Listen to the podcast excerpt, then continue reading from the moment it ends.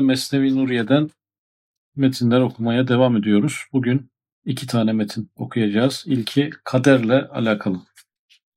İlem eyyühel aziz. Cenab-ı Hakk'ın ata, kaza ve kader namında üç kanunu vardır. Ata kaza kanununu, kaza da kaderi bozar. Mesela bir şey hakkında verilen karar kader demektir. O kararın infazı kaza demektir. O kararın iptaliyle hükmü kazadan affetmek ata demektir. Yani Cenab-ı Allah'ın verdiği kararlar var. O kararlar e, sonra infaz ediliyor, uygulanıyor. E, fakat e, bazen de uygulanmıyor. Uygulanmayınca da o karar affedilmiş oluyor. Uygulanmayışıyla birlikte de o kader de aslında değişmiş oluyor. Yani kader değişir mi sorusuna bir tane cevap kaderin değişen bir türü var. Meğer kader de zaten üç konuyla beraber anlaşılabiliyormuş. Üç konu ata, kaza, kader. Gerçekten ilginç bir yaklaşım. Yani mesela mahkeme bir karar verse bunu kadere benzetebiliriz. Mahkum üzerindeki kadere benzetebiliriz. Mahkeme o kararı, o cezayı uygularsa e, buna kaza yani infaz gözüyle bakabiliriz. Ama o kişi cezayı hak etmiş olmasına rağmen mahkeme bu kararı uygulamazsa, bozarsa bir sebeple, mesela daha önce aynı suçu hiç işlememiş gibi bir sebeple bozarsa buna da ata diyoruz. Affetmek. Yani üçlü bir sistem var. Aslında kader yazıları var. Buna kader diyoruz. Onların hayata geçirildiği duruma biz kaza diyoruz. Hayata geçirilmesinden vazgeçilirse buna da ata diyoruz. Üçlü bir sistem. Şöyle bir örnek verebiliriz. Mesela zehirli bir içecek, zehir içmek. Yani o zehire Cenab-ı Allah bu zehri içen ölür yazmış yani manen. O zehri biri içer de ölürse kaza olmuş oluyor. Cenab-ı Allah'ın zehre yazdığı takdir gerçekleşmiş oluyor. Ama bir bakıyorsunuz biri içiyor fakat ölmüyor. Burada istisnai bir durum var. Cenab-ı Allah o zehre insan öldürmeyi takdir etmiş olmasına rağmen zehir bu kişiyi öldürmüyor. Buna da ata diyoruz. Acaba niye öldürmüyor? O tartışılacak bir konudur. Herkesi öldürüyor da o kişiyi niye öldürmüyor? O Cenab-ı Allah'ın atası böyle bir şey. Yani izahı da çok kolay bir şey değil. Bazen bir uçak düşüyor, herkes ölüyor, bir tane bebek ölmüyor. Yani uçağın düşmesi insanı öldürür. Öyle bir düşüş. Cenab-ı Allah bunu yazmış bir kanun olarak ama ata ediyor, atasıyla bir hükmü iptal ediyor ve bir istisna veriyor. Kader üzerinde bir takdirde bulunuyor. Yani e, kaderde yazılı olduğu halde kaza edilmesi gerektiği halde kaza edilmesinden vazgeçiliyor. E, bu Cenab-ı Allah'ın böyle kendi kanunlarında verdiği istisnadır. Bunun örneklerini mesela ateş her zaman yakar. Cenab-ı Allah ateşe yakma kaderini yazmıştır. Ateşin kaderi yakmaktır. Ama Hazreti İbrahim Aleyhisselam'a serin ve selamet olmuştur. Onu yakmamıştır. Demek ki ateşe yazdığı bu kaderi atasıyla değiştirmiştir. Ata kazayı değiştirmiştir. Yani kazaya mani olmuştur. Kazada kaderi değiştirmiştir. Aslında e, Hz. İbrahim Aleyhisselam'ı ateşin yakmamasıyla ilgili bir kadermiş meğer. Yani o kader de değişmiş oluyor. O ateşe aslında önüne geleni yak ama İbrahim'i yakma yazısı varmış meğer. Herkes işte anne babadan meydana gelir. E bu bir kaderdir. Cenab-ı Allah bunu böyle yazmıştır. Ama Hazreti İsa Aleyhisselam babasız dünyaya gelir. Bu bir ata durumudur. Cenab-ı Allah'ın özel bir takdiridir. Babası olmadan e, dünyaya çocuk e, getirmiştir. Anne babayla çocuk olacağı kaderini Hazreti İsa ile bozmuştur. E, bu bir atadır. Ata o kazayı o da kaderi bozmuştur. Aslında bozulmayan da bir kader vardır ki o da Hazreti İsa'nın babasız dünyaya geleceği onun kaderidir. Öyle oluyor yani sonuç itibariyle. Veya Hazreti Adem Aleyhisselam'ın babası da şey, annesi de yok yani. Annesi de yok, babası da yok. Ve o büyük istisnaya rağmen topraktan insan yaratılıyor. Demek ki insan anne babadan yaratılır takdirini bozan bir durum yine ortada söz konusu. Cenab-ı Allah aslında bütün kanunlarında birer istisna verir ki o istisnalar o kanunun bütün bütün istisnai verene ait olduğunu ortaya çıkarsın. Nasıl kazayı bozuyor, kaza nasıl kaderi değiştiriyor örnek verecek. Evet yumuşak bir otun damarları katı taşı deldiği gibi ata da kaza kanununun katiyetini deler. Kaza da ok gibi kader kararlarını deler. Demek atanın kazaya nispeti, kazanın kadere nispeti gibidir. Ata kaza kanununun şumulünden ihraçtır. Kaza da kader kanununun külliyetinden ihraçtır. Diyor böyle bir örnek veriyor. Yani aslında nasıl yumuşak bir ot kendisine göre çok zor bir iş olan katı taşı delebiliyorsa e, ata da kaza kanunu deliyormuş. E, nasıl ok bir kağıdı delebiliyorsa kaza da e, kadere olan o uzaklığı yani otun taşa yakınlığı var da e, özür dilerim otun taşa yakınlığı var ama okun hedefe uzaklığı söz konusu. Yani kazayla kader arasındaki mesafe biraz daha fazla, biraz daha farklı. Ama bir ok o kadar mesafeye rağmen gidip bir kağıttaki yazıları delebilir. Böyle olduğu zaman aslında e, bu hükümler değişebilmiş oluyor. Çok daha üst düzeyde hükümlerin neyle nasıl değişeceği de bir ayrı bir kaderle takdir edilmiştir. O değişmez. O ayrı bir üst seviye bir mevzu. Diyelim ki sadakanın belaları def etmesi. Aslında o def ettiği belalar kaderde yazılıydı. Kaderde yazılı olmasına rağmen sadaka gelip o belayı bertaraf etti. Fakat o sadakanın o belayı bertaraf edeceğine dair daha yüksek bir kader tecellisi de vardır. Ama biz zaten şu an onu konuşmuyoruz. Biz bizim anladığımız kader konusunu e, konuşuyoruz. Bu kaderin nasıl değiştiğini, sadakalarla, iyilikle, infakla nasıl değiştiğini veya istikamete girmekle, emir ve yasakları dinlemekle nasıl pek çok üzerimizdeki hükmün iptal olduğunu veya yanlış yola gitmekle nasıl üzerimize yazılmamış belaları da celbettiğimizi, yani kaderimizde olmadığı halde üzerimize e, kendi kendimize yazdırdığımız belaların da olduğunu e, düşünmek gerekiyor. Veya dua ömrü uzatır, sılay rahim uzatır, akrabalık ilişkilerini geliştirmek. Aslında Cenab-ı Allah bir ömür takdir etmiş. Ama bu kişi sılay rahim ilişkilerindeki başarısıyla, e, dualardaki, ibadetlerdeki muvaffakiyetiyle o ömrü arttırmaya başlıyor. Dolayısıyla Cenab-ı Allah'ın takdir ettiği ömür Cenab-ı Allah'ın atasıyla değişmiş oluyor. 60 yaşında vefat edecek kişi 70 yaşında vefat ediyor, 80 yaşında vefat ediyor. Cenab-ı Allah atasıyla bu kendi yazdığı kanununu değiştirmiş oluyor. Aslında kendi yazdığını kendi katında değiştirmiş olmuyor ama kader kitapları biliyorsunuz İmam-ı Mübin, Kitab-ı Mübin olarak ikiye ayrılıyor.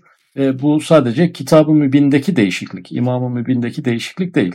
O Cenab-ı Allah hangi sebeple neyin değişeceğini de biliyor. O ayrı bir mevzu. Yani o işin Cenab-ı Hakk'a bakan tarafı o. Ama bize bakan tarafında insanın ömrünün uzaması da mümkündür. Başına gelen musibetlerin kendi iradesine bağlı olarak gelenleri iptal etmesi de mümkündür. Üzerindeki nimetleri kendi iradesiyle ve tutumlarıyla arttırması da mümkündür. Çünkü Cenab-ı Allah'ın sadece kaderi yok. Cenab-ı Allah'ın aynı zamanda kazası ve aynı zamanda atası var. Ata aslında bir opsiyon kullanmaktır. Yani istisna vermektir. Kendi kanunu üzerindeki buradaki ifadesiyle kanununun külliyetinden ihraçtır. Yani kanunun külliyetini iptal ediyor. Kaza da kader kanununun külliyetinden ihraçtır. Bu hakikate vakıf olan Arif, ya ilahi hasenatım senin atandandır, seyyiatım da senin kazandandır. Eğer atan olmasaydı helak olurdum der. Şimdi konu ariflere geldi.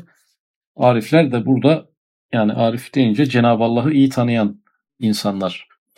Hem nefsini hem Rabbini iyi bilen insanlar o arifin ifadesiyle ya ilahi hasenatım senin atandandır. Ata halbuki Cenab-ı Allah'ın fazladan bir lütfu, ekstra bir lütfu, hak etmediğimiz halde bizi affedişi, hak etmediğimiz halde bize e, gösterdiği kolaylıklar, hak etmediğimiz halde bizden bertaraf ettiği müsibetler, hak etmediğimiz halde ahirette bize çektirmediği cezalar, cezaları çektirmesinden vazgeçmesi gibi e, bu metin buraya kadar böyleydi. Hep cezayla, hep suçla alakalandırmıştık ama burada hasenatım senin atandır.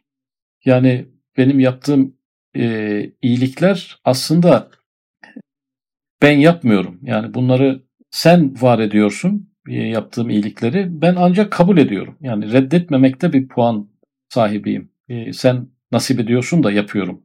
Yani bunlar senin atandır. Yani ne benim fıtratımda ne gidişatımda ne ahlakımda böyle güzel gidişat yok. Ama bana rağmen e, bana bu e, ibadetleri yaptırıyorsun. Yani ben ne bu ibadetleri yapmaya layık biriyim, ne böyle bir ahlakım var, ne nefis terbiyem bunlara müsait. Hiçbir seviyeden bu konu bana uygun gözükmüyor ama yapıyorum. Demek ki atanı kullanmışsın. Yani kaderde değil, kaza edilmesinde de değil ama e, üzerimdeki atandandır, ekstra bir lütfundandır. Hak etmediğim halde meccanen bana verdiğin, bedavadan verdiğin, e, hak edişime bakmadan verdiğin lütuflardır. Seyyiatım da senin kazandandır. Eğer atan olmasaydı helak olurdum. Konu bir de seyyiata geliyor. Seyyiatım da senin kazandandır. Yani seyyiatı sen istemedin. Benim günah işlememi sen takdir etmedin. Beni işle diye zorlamadın. Kader kısmını atlıyoruz yani. Konu kazaya geliyor. Seyyiatım da senin kazandandır. Yani isteyen benim, günahı isteyen, talep eden, yönelen, niyetlenen benim.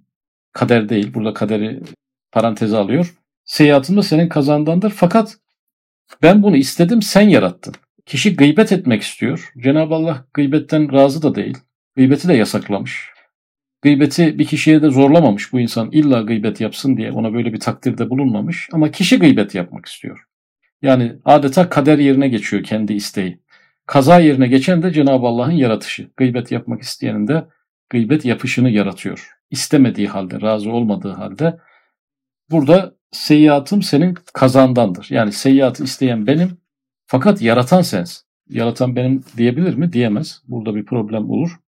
Eğer atan olmasaydı helak olurdum. Yani beni kendi başıma bıraksaydın, hak ettiğim gibi beni yaşatıyor olsaydın, benim arzularıma, isteklerime göre yolumu çizmiş olsaydın, böyle ekstradan önüme bir şeyler koyup bir şeyler nasip etmeseydin helak olurdum der. Demek ki atak, kaza ve kader sadece olumsuz konularda değil, olumlu konularda da geçerli. Olumsuz konularda bir kimse suç işlediği halde başına bir bela gelmeyebilir. Bu Cenab-ı Allah'ın atasıdır. Olumlu konularda da bir kişi hiç hak etmediği halde, hakkı olmadığı halde bazı faziletlere, bazı ibadetlere, bazı hayır ve hasenatlara erebilir. Kendinde böyle bir yön olmamasına rağmen erebilir. Burada düşen kişiye düşen de o erdiği e, nimetlerin bari şükrünü düzgün eda etsin. Şükrüne uğraşsın. Zaten hak etmemiş de kendisine rağmen ona verilmiş. Bari hak etmeden gelen bu nimetin şükrünü o e, eda etsin. E, kişinin burada imtihanı belki şükürle olmuş oluyor. İlem eyyühel aziz. Denizlerde vukua gelen med ve cezir gibi evliya arasında da bastı zaman tayyi mekan meselesi şöhret bulmuştur. Denizlerde bu gel git nasıl meşhur bir konuysa herkes kabul ediyor bunu. Ama daha çok o coğrafya bilimiyle ilgilenenler daha çok biliyorlar. Yani güneş ve ayın dünya üzerindeki çekim kuvvetlerinden dolayı sular, denizin suları bazen yukarı e, yükseliyor, bazen aşağı iniyor. Bu herkesin malumu bir konu ama uzmanları daha detaylı biliyorlar bu konuyu. Aynen öyle de evliya arasında, coğrafya uzmanları değil de evliya arasında da bastı zaman tayyi mekan meselesi şöhret bulmuştur. Yani zamanın genişlemesi ve bir insanın çeşitli mekanlarda aynı anda bulunması. Yani bir insanın bir saatte 10 saatlik işler yapabilmesi, bazen bir yıllık işler yapabilmesi e, böyle bir haller vardır. Şimdi bize uzak geliyor. Yani birisi dese ki ben yarım saatte 600 sayfalık Kur'an-ı Kerim hatmettim. Yani biz iki ihtimalle ya delirmiştir bu adam veyahut bizi kandırıyor deriz. Başka da pek çaremiz yok yani. Ya da üstünü zannedeceğiz. Adam diyorsa doğrudur diyeceğiz. Bir hesap yapsak yani bir sayfayı bir dakikada okusa gene 600 dakikada gider. Bir sayfayı da bir saniyede okuyacak değil ya gibi bir hesap yaparız ama bizim hesap tutmayabilir. Öyle haller var çünkü. Tayyi mekanda bir insanın mekanı aşması, mekanın kayıtlarından uzaklaşması. Diyelim ki Somuncu Baba Bursa Ulu Cami'nin üç kapısından aynı anda girmiş. Aynı anda üçünden birden girmiş. Bunu bize deseler hani başımıza gelmeden herhalde böyle bir şeyi e, kabullenmemiz e, çok e, zor olur ama evliya arasında da bu şöhret bulmuş bir mesele. Yani temel konulardan bunlar öyle çok da aşırı şaşırtıcı meseleler değilmiş. Ez cümle Kitabı Yavakit'in rivayetine göre İmam Şarani bir günde iki buçuk defa kocaman Fütuhat-ı Mekkiye namındaki büyük mecmuayı mütalaa etmiştir. Bir örnek veriyor. Kitabı Yavakit'te bu meseleden bahsediliyor. Fütuhat-ı Mekkiye'yi bir günde iki buçuk defa. Yani Türkçe çevresi var şu an benim bildiğim kadarıyla 18 cilt. Bütün ciltler 500'er sayfa. Yani ne yapar? 9000 sayfa yapar. 9000 sayfayı da iki buçuk kere bitirdiğine göre 18000 18000 23500 sayfa. 23500 sayfayı e, mütala etmiş. Mütala da biraz okuma gibi değil herhalde. Yani mütala biraz daha e, dikkatli anlaya anlaya okumaya mütala derler. Şimdi buna 23.500 sayfayı bir günde. Bu gibi vukuat istigrapla inkar edilmesin. Yani acayip bulunmayla aklımıza yatmıyor diye böyle şeyleri inkar etmeyelim diyor. Zira bu gibi garip meseleleri tasdike yaklaştıran misaller pek çoktur. Peki biz yaşıyor muyuz böyle şeyler? Mesela rüyada bir saat zarfında bir senenin geçtiğini ve pek çok işler görüldüğünü görüyorsun. Rüyada uykuda yani gece yatıyoruz belki 10 dakikada bir ömür yaşıyoruz yani. 30-40 yıllık olaylar yaşıyoruz bazen. E bunu görüyoruz. Ama sadece rüyada olur zannediyoruz. Bunun normal fiziksel hayatta karşılığı yoktur gibi zannediyoruz. O saatte o işlere bedel Kur'an okumuş olsaydın birkaç hatim okumuş olurdun. Bu halet evliya için haleti yakazada inkişaf eder. Yakaza dediği uyanıklık. Yani bizim rüyada yaşadığımız o deneyim yani 3-4 dakikada 15-20 yıllık işler yaşamış olmamız biz bunu rüyada yaşarız. Fakat evliya bunu uyanıklık halinde de yaşar. Böyle şeyleri uyanıklık halinde de yaşar. Yani rüyadaki o hali uyanıkken de yaşar. Zaman imbisat eder, zaman genişler. Mesele ruhun dairesine yaklaşır. Ruh zaten zamanla mukayyet değildir. Ruhu cismaniyete galip olan evliyanın işleri, fiilleri sürati ruh mizanıyla cereyan eder. Evet, yani ruhun mesela beden üzerinde ruh her şeyi idare ediyor. Beynimizi, karaciğerimizi, akciğerimizi, hücrelerimizi teker teker. Bunları bir sıralamaya da sokmuyor. Yani önce gözdeki görmeyle ilgileneyim de sonra kulaktaki duymaya geçelim demiyor. Yani vücutta milyonlarca aktiviteyi sıralamaya koymadan yapabiliyor. Önce biri sonra biri demiyor. Demek ki adeta haşa benzetmek gibi olmasın. Nasıl Cenab-ı Allah zamandan münezzehtir. Ruh da bedenin içindeki zamandan münezzehtir. Öncelik sonralık diye bir şey yoktur. Vücudun her yerine aynı anda hükmedebiliyor. Yani somuncu baba aynı anda üç kapıdan giriyor. Ama ruhumuz bedende milyonlarca kapıdan aynı anda giriyor. Aynı anda bütün işleri yapıyor, birbirine karıştırmıyor, bir sıralamada yapmıyor. Birisiyle meşgul olurken öbürünü unutmuyor. Böyle bir özelliği var. İşte ruhuna erenler, ruhu nefsine galip gelen insanlarda bu sefer işlerin ruh hızıyla yani sürati ruh mizanıyla cereyan eder. Demek ki insan ne kadar ruhuna ererse, ruhunu inkişaf ettirirse onun işleri de sürati ruh mizanıyla olur. Mesele ruhun dairesine yaklaşır. Yani bu da buradan şu dersi de çıkarmak gerekiyor ki yani yetişmeyen işlerimiz, bir türlü bitiremediğimiz şeyler vardır. O biraz ruhumuzdan uzaklaştığımız için işler birikir. Yani işlerde iyice karıştıkça, yoğunlaştıkça fedakarlığı maneviyattan yaparız. Namazları geç vakte bırakırız, kısaltırız, tesbihatlarını daraltırız. Okuduğumuz manevi evrad eskarı rafa kaldırmaya çalışırız ki işler yetişsin. Bilakis aslında onlara önem versek işler fevkalade bir surette yetişecek. Bir saati 10 saat gibi yaşayacağız. Bazen zaman genişliyor, pek çok problemi hallediyoruz. Bazen de zaman daralıyor koskoca bir gün içinde hiçbir iş yapmadan bir günü tamamlayabiliyoruz. Bunlar insanın e, cisminin ruhuna galip geldiği noktalarda da bu tersi oluyor. Bastı zamanla ilgili Kur'an-ı Kerim'den haşiyede bir iki tane örnek vermiş. Galiba Kehf suresinden. Bismillahirrahmanirrahim. Kale kailun minhum kem lebistum kalu lebisne yevmen ev ba'de yevm. Evet bu biliyorsunuz Ashab-ı Kehf ile alakalı meali şöyle içlerinden söze başlayan biri bu halde ne kadar kaldık diye sordu. Bir gün yahut daha az dediler. Birbiriyle konuşuyorlar. Ya bir gün ya da daha az 20 saat olabilir. Halbuki ne kadar kalmışlardı? 309 yıl. 309 yıl geçirmişler ama ne kadar bir hissediş içindeler? Bir günden daha az. Ya bir tam gün uyumuşuzdur veya ondan biraz daha az diyorlar. Bir başka ayette de ve in yevmen inde rabbike ke elfi senetin mimme ta'uddun. Bu da Rabbinin katında bir gün sizin hesabınıza göre bin yıl gibidir. Hac suresinin 47. ayeti. Yani zaman izafidir, genişler, daralır. Bazen o kadar daralır ki yıllarca hiçbir iş yapamazsınız. Bazen de öyle bir genişler ki bir günde yüzlerce iş bitirirsiniz. E, bu Cenab-ı Allah'ın bir ikramıdır. Onu bazı velilere bir keramet olsun diye indirmiş. Etrafındaki insanlara da bir ders olsun, bir ibret olsun. Gidip tasarrufu, iktisadı maneviyattan yapmasınlar diye insanlara da böyle bir mevzu göstermiş.